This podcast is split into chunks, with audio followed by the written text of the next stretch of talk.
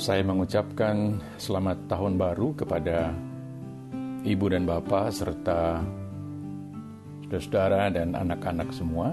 Selamat berjumpa kembali dalam doa malam bersama saya, Kantermanto Harjawasito.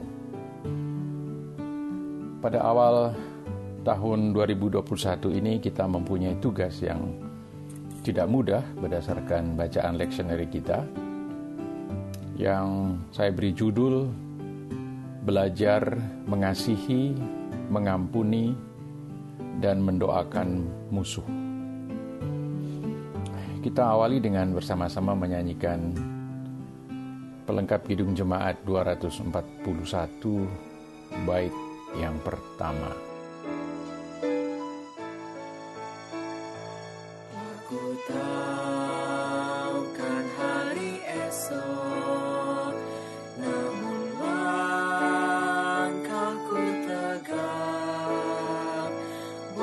Surya ku harapkan Karena surya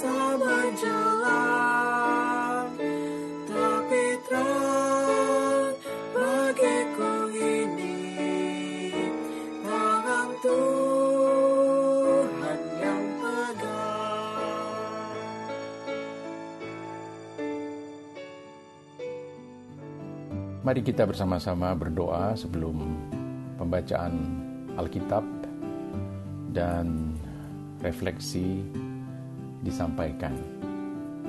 Kita berdoa. Ya Allah, kami akan membaca dan merefleksikan sabdamu. Tolonglah kami untuk mengerti dan bersedia terus belajar mempraktikkan kehendakmu di dalam hidup kami sehari-hari. Kami mohon dalam nama Yesus Kristus, Sabda yang telah menjadi manusia. Amin. Bagian Alkitab yang hendak kita baca diambil dari Lukas pasal 6 ayat 27 hingga 31. Sabda Yesus, tetapi kepada kamu yang mendengarkan aku, aku berkata, kasihilah musuhmu, berbuatlah baik kepada orang yang membenci kamu, mintalah berkat bagi orang yang mengutuk kamu, berdoalah bagi orang yang mencaci kamu. Barang siapa menampar pipimu yang satu, berikanlah juga kepadanya pipimu yang lain. Dan barang siapa yang mengambil jubahmu, biarkan juga ia mengambil bajumu. Berilah kepada setiap orang yang meminta kepadamu, dan janganlah meminta kembali kepada orang yang mengambil kepunyaanmu. Dan sebagaimana kamu kehendaki supaya orang berbuat kepadamu, perbuatlah juga demikian kepada mereka. Demikianlah sabda Tuhan disampaikan kepada umat Tuhan. Saudara-saudaraku yang terkasih, para pengikut Kristus sejak zaman gereja purba lazim saling mendoakan dengan menyebutkan nama mereka yang didoakan. Roma 1 ayat 9, 2 Korintus 1 ayat 11, Efesus 6 ayat 8, Kolose 4 ayat 3 merupakan beberapa contoh dari kelaziman berdoa yang saya maksud. Dan kelaziman ini masih berlangsung sampai saat ini dalam gereja abad ke-21. Dengan melakukan hal itu, para pengikut Kristus merasa saling membantu dan berbagi keselamatan kepada mereka yang didoakan. Lihatlah Roma 15 ayat 30 dan Filipi 1 ayat 19 misalnya. Namun doa yang mengungkap bela rasa yang sejati, jangkauannya melampaui saudara-saudara seiman atau saudara-saudara sepersekutuan serta para sahabat dan keluarga saja. Dengan jelas Yesus mengatakan, Aku berkata kepadamu, kasihilah musuhmu, dan berdoalah bagi mereka yang menganiaya kamu. Matius 5 ayat 44 Dalam penderitaannya yang paling dalam di kayu salib, Yesus bahkan mendoakan para pembunuhnya Bapa ampunilah mereka, sebab mereka tidak tahu apa yang mereka perbuat. Lukas 23 ayat 34. Di sini kita menyaksikan pentingnya disiplin berdoa.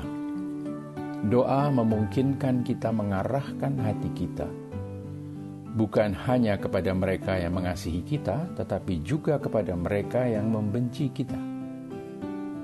Dan hal itu dimungkinkan hanya kalau kita bersedia menjadikan musuh kita bagian dari diri kita dan menyediakan kesempatan baginya untuk berubah, tetapi dengan mulai dari diri kita. Bandingkan misalnya dengan teks asli dari nyanyian pelengkap Kidung Jemaat 267, Damai di dunia dan kitalah dutanya. Teks aslinya lebih lebih tegas.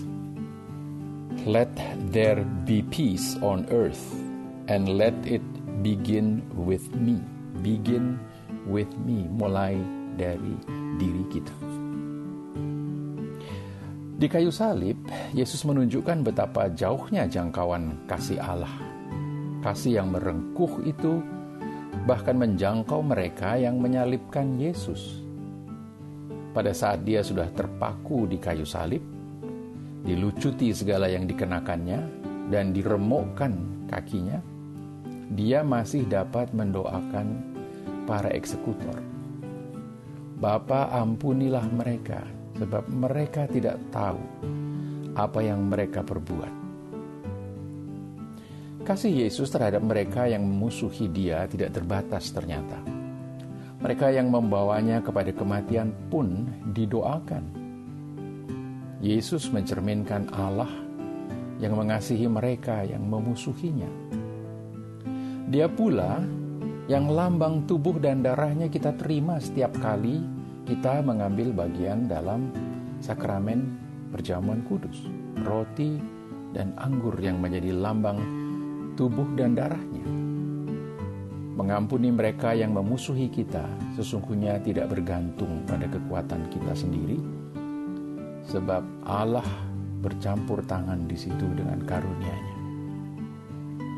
Itulah sebabnya sakramen perjamuan sangat penting dan menjadi pusat kehidupan kita karena di situlah kita menerima cinta kasih yang memberdayakan kita untuk napak tilas jalan Yesus. Jalan yang sempit, jalan yang sering menyakitkan, namun juga jalan yang memberikan kepada kita sukacita sejati serta damai sejahtera dan memungkinkan kita menunjukkan kasih Allah yang nir kekerasan itu kepada dunia. Mengasihi orang lain dari lubuk hati yang tulus merupakan karya pembebasan. Kita membebaskan orang itu dari ikatan negatif, dari belenggu dan beban berat yang ada di antara kita dan orang itu. Selama kita tidak berhasil mengampuni, maka beban berat itu terus-menerus juga membebani diri kita. Dan godaan besar bagi kita ialah membiarkan diri sendiri menyimpan kemarahan kepada musuh kita, lalu menganggap diri kita sebagai korban yang terluka. Pengampunan ialah pembebasan, bukan hanya bagi pihak yang lain, tetapi juga bagi diri kita, dan itulah jalan pembebasan anak-anak Allah. Adalah merupakan tugas panggilan kita untuk mengkonversi musuh menjadi tamu, serta untuk menyediakan ruang bebas dan tanpa ketakutan, di mana persaudaraan dapat dibangun dan dialami seutuhnya bersama-sama. Hospitalitas atau keramahan berarti menyediakan ruang bebas di mana yang asing dan musuh dapat masuk dan menjadi sahabat. Hospitalitas bukan upaya untuk mengubah orang lain, tetapi menyediakan ruang yang memungkinkan terjadinya perubahan. Bukan membuat orang lain berpihak kepada kita, tetapi menyodorkan kebebasan yang tidak diganggu oleh tembok pemisah atau garis yang memisahkan. Amin. Kita menyanyikan doa Bapa kami bersama-sama.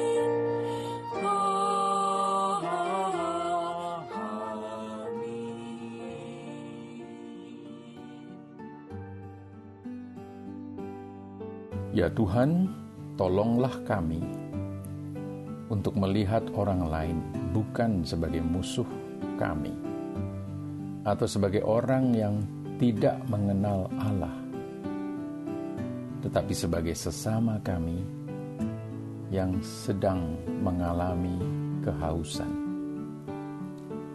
Berilah kepada kami keberanian dan bela rasa untuk berbagi air hidupmu itu kepada mereka. Sebab hanya itulah yang dapat memuaskan dahaga mereka yang dalam. Di dalam pengasihanmu, kami mohon.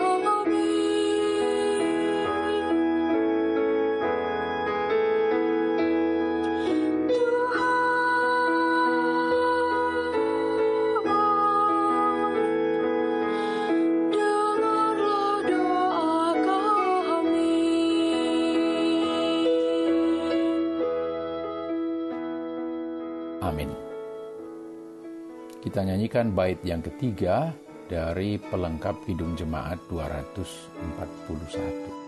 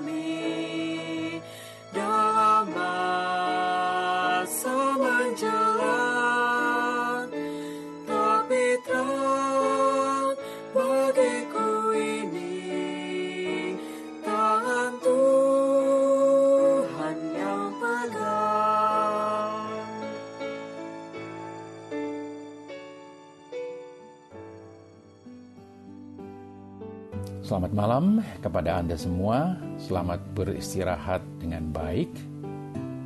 Kiranya esok pagi kita dibangunkan dengan segar dan semangat untuk belajar mengasihi dan mengampuni serta mendoakan musuh. Tuhan sertamu. Sekian.